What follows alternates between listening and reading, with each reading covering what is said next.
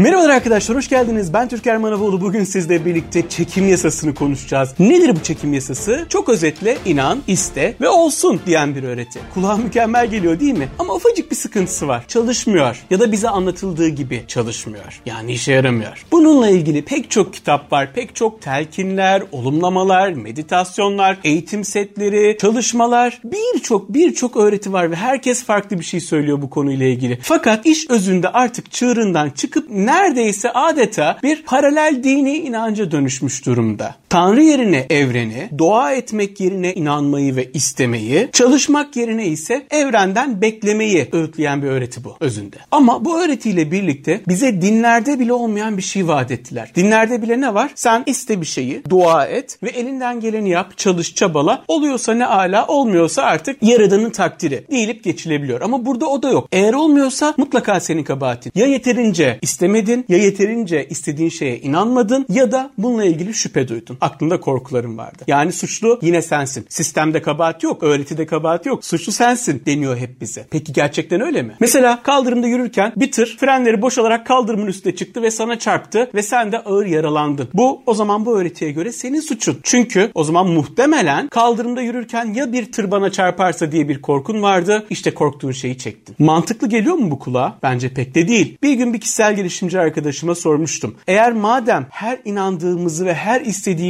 çekebiliyorsak ve kafamızda hiçbir şüphe olmadığında o inandığımız şey gerçekliğimize dönüşüyorsa peki o zaman ben süper kahramanım, ben Pikachu'yum diye apartmanın 5. katından atlayan çocuk niye yaralandı, niye uçamadı diye sormuştum bir gün. Ve bana verdiği cevap ne oldu biliyor musunuz? Demek ki atlarken son anda aklına bir şüphe düşmüş ve uçamamış. Başka bir kişisel gelişimci ise yeterince inanırsan, yeterince istersen kopmuş olan kolunu bile yeniden geri çıkarabileceğini iddia ediyordu. Eğer bunlar gerçekse niye bunları yapan birileri yok? Niye uçan birileri yok? Niye kolunu çıkaran birileri yok? Eğer olsaydı gerçekliği mutlaka buna inanan birileri var ve mutlaka gerçekleşirdi. Ama insanlar hep bu örneklerde de olduğu gibi bir şeyler olmayınca hep üzerine bir kılıf yazıyorlar. Demek ki yeterince inanmadın. Demek ki son anda aklına şüphe düştü. Demek ki yeterince kendini adamadın gibi şeylerle yine sizi suçlu ilan edebiliyorlar. Bu arada yanlış anlaşılmasın ben bu arkadaşlara kızmıyorum. Muhtemelen bu arkadaşlar da bütün samimiyetleriyle, iyi niyetleriyle buna inandıkları için bunu böyle anlatıyorlar. Ama ben şundan bahsediyorum. İşte körü körüne bir takım şeylere inanmak maalesef işi bambaşka boyutlara taşıyabiliyor. Bütün bu çekim yasası olaylarında bir de işin korku boyutu var. Korktuğunu çekersin. Aman korkma, endişeye düşme, endişelenirsen başına gelir gibi bir boyutu da var. Öylesine kötü bir şey ki kafanızı sürekli bir takıntıya dönüşebilir bu korku ve sürekli olarak sizin psikolojinizi bozacak bir şey haline dönüşebilir. Bu size zarar verir. Mesela bir örnekle gidelim üzerinden o zaman. Madem korkularımızı çekiyoruz ya da çektiğimiz şeyler bizim korkularımızdan kaynaklanıyor.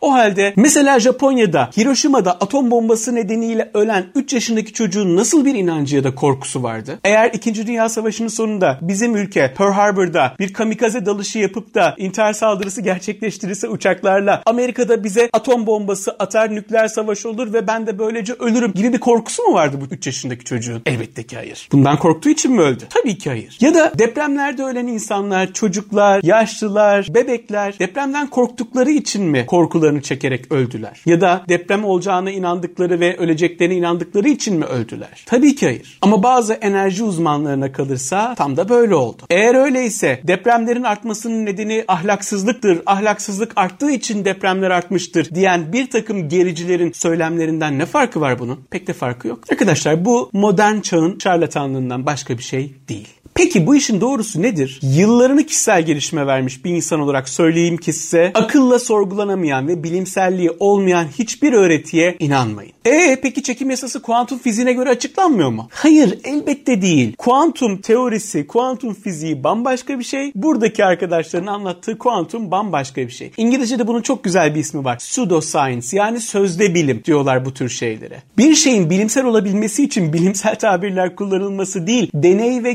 gözleme konu olabilecek nitelikte olabilmesi gerekir. Bu tür şeyler adeta bir dini inanç gibi herhangi bir şekilde gözlemlenebilen bir tarafı yok. Sadece bir takım süslü kelimeler kullanarak kuantum gibi insanların bunu bilimsel zannetmeleri hedefleniyor. İtiraf edeyim ben de yıllar öncesinde bu öğretiye inanıyor, itibar ediyor hatta iman ediyordum. Benim gibi kuşkucu ve bilim dışı şeylere itibar etmeyen bir adam bile bu tuzağa düşmüştü. Fakat sonradan gördüm ki sistem böyle çalışmıyor. Sistemin her böyle çalışmadığı noktadan sonra hep birileri üzerine kılıf uyduruyordu. Yeterince istememişsindir, yeterince inanmamışsındır ya da şüpheye düşmüşsündür, korkmuşsundur olmayacağına gibi. Sonra bütün bu çekim yasası olayını sorgulamaya başladı. İnsanların çekim yasasına inanmalarının temelde iki tane nedeni var. Birinci nedeni vaat çok büyük. Adeta dünyadaki cenneti vaat ediyordu insanlara. Dikensiz bir gül bahçesi vaat ediyordu. İnan, iste ve olsun. Başka bir şey yapmana gerek yok. Yeter ki inan. Yeter ki iste. Hayal et, kafanda canlandır ve olsun. Müthiş bir vaat. Cezbedici bir şey. Madde 2, 10 tane yalanın içine 2 tane de doğru katıyordu. Ve işte o 2 tane doğru nedeniyle insanlarda aa bak çalışıyor şu oldu bu oldu demek ki doğru diye bu tuzağa düşebiliyorlardı. En tehlikeli öğretiler de bunlardır arkadaşlar. İçine doğru katılmış yalanlar en tehlikeli yalanlardır. Peki nedir o doğruluk payları? Mesela madde 1 algıda seçicilik. Bir şeye odaklanmak algıda seçicilik getirir. Örneğin siz yeşil renkli bir araba almayı kafanıza koyduysanız sabah akşam yeşil renkli arabayı düşünüyorsanız sabah akşam ben bu arabayı alacağım diye kafaya koyduysanız ertesi gün sokağa çıktığınızda daha fazla yeşil renkli araba görürsünüz. Yeşil renkli arabaların sayısı mı arttı bir günde? Hayır siz daha fazla dikkat etmeye başladınız. Sizin algılarınız açıldı ve yeşil renkli arabayı daha fazla görmeye başladınız. Evet bir şeye inanmak, onu istemek, o hedefe kilitlenmek kesinlikle onu elde etmenizin ihtimalini arttırır. Bu çok doğru. Örneğin milli piyangonun size çıkmasını istemiyorsanız milli piyango bileti almazsınız. Çıkmasını istiyorsanız ama çıkacağına hiç inanmıyorsanız muhtemelen yine almazsınız. Ama eğer milli piyangonun size çıkmasını istiyorsanız ve hatta buna bir miktarda inanıyorsanız gidip milli piyango bileti alabilirsiniz. Ve işte o zaman hiç bilet almayan birine göre kesinlikle piyangonun size çıkma ihtimali çok daha yüksek olacaktır. Bilet almayan birine zaten piyango çıkamaz ama siz aldığınız için belki size çıkabilir. İşte hayatımızdaki hedeflerimiz ya da isteklerimiz de böyle. Eğer bir şeyi istemiyorsak zaten onu elde edemeyiz. Eğer istememize rağmen inanmıyorsak yine elde edemeyiz. Ama isteyip inanıyorsak ve üstüne tabii ki bunun için çaba gösterebiliyorsak evet ihtimalimiz ciddi anlamda artar. İşte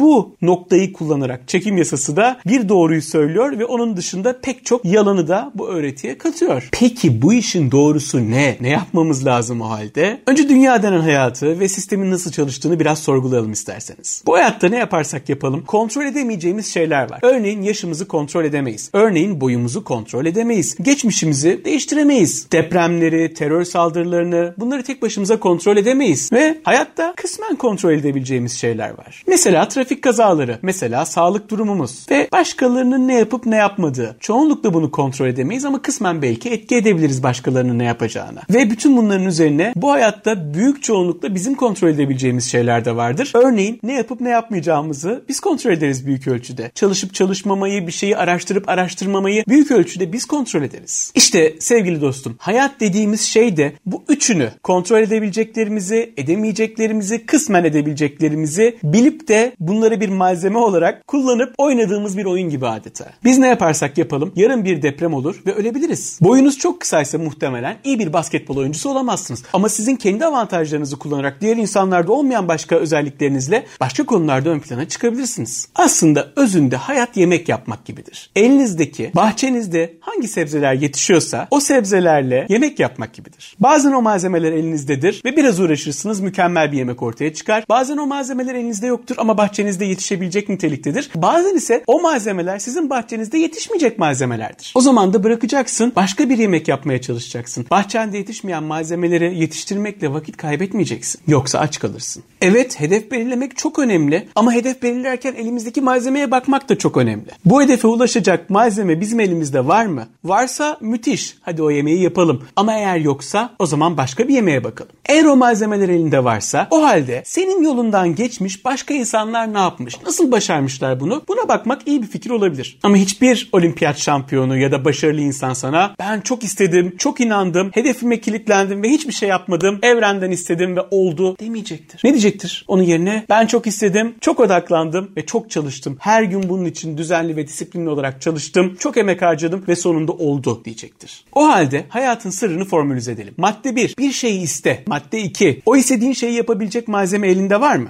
Yoksa o malzeme sende yetişir mi? Madde 3. Eğer o malzeme elinde yoksa ya da yetişecek gibi değilse boşuna zaman kaybetme. Başka bir hedefe yönel. Bir balık ağaca tırmanamaz ya da bir kedi denizde yüzemez. Elindeki malzemeye göre başarıya ulaşabileceğin ve seni de mutlu edebilecek bir hedefe yönel. Eğer o malzeme senin elinde varsa ya da yetişecek gibi ise o halde bir sonraki aşamaya ilerle. Madde 4. Elinde bu malzemesi olan ve bu hedefe yönelen diğer insanlar neler yaptılar? Hangi yollardan geçtiler? O yollardan geçebilmek için hangi bilgiye ihtiyacın var? Bu bilgi ve yetkinlikleri nasıl kazanabilirsin? Ve bunlarla ilgili nasıl bir yol haritası çizebilirsin? Madde 5. Çizdiğin yol haritasının inandırıcı olması çok önemli. Eğer yapabileceğine inanmazsan denemezsin. İnandırıcı bir yol haritası çizdikten sonra hedefine kilitlenip çalışmaya başla. Her şey yolunda gidiyorsa aynen devam. Yolunda gitmeyen bir şeyler varsa da dur, düzelt ve tekrar çabala. Bu kadar basit. Peki korkularımız konusunda ne yapacağız? Korkularımızı gerçekten de çeker miyiz? Korkular sen onları çekesin diye orada değil. Korkular sen altta yatan problemleri düzeltesin diye oradalar. Örneğin arabayla gidiyorsun ve benzin lambası yandı. Tüh benzinin bitecek diye korkmak mı çözümdür yoksa benzinciye gitmek mi? Elbette ki benzinciye gitmek. Korkular da aynen böyle. Bize bir mesaj verirler. Düzeltmemiz gereken bir şey olduğunu bize söylerler ve onu düzeltmemiz gerekir. Eğer ondan o mesajı almazsak, o korkuyu görmezsek onu da düzeltecek fırsatımız olmaz. Mesela depremden hiç korkmazsak depremle ilgili tedbir almayız. Evimizi düzeltmeyiz ya da düzgün bir eve taşınmayız. Ama depremden endişe ediyorsak, korkuyorsak ölüm ihtimalimizi ya da yaralanma ihtimalimizi azaltacak bir tedbir buluruz kendimize. İşte korkuları kullanmakta aynen böyledir. Korkularımızı çekmeyiz ama korkularımızı kullanmazsak, korkularımızdan istifade etmezsek işte o zaman korkular bizi esir almaya başlar ve her türlü sıkıntıyı yaratabilir. Aslında her şey bu kadar da basit. Hiç de öyle kuantumlara, kuantum fiziğine falan ihtiyacınız yok bu hayatta. Bu tür şeyler, bu tür metafizik öğretiler sizin problemi yanlış yerde aramanıza neden olur. Ve problemi yanlış teşhis ederseniz tedavide yanlış yaparsınız. Analizi yanlış yaparsanız da doğru yola asla ulaşamazsınız. Kısacası aklın ve bilimin rehberliğinden asla ayrılmayın. Aklınız size bu dünyada verilen en kıymetli hediyedir. Onu sakın bilim dışı öğretilere ya da insanlara teslim etmeyin. Sorgulamadığınız ve içinize sinmeyen hiçbir yönteme de evet demeyin.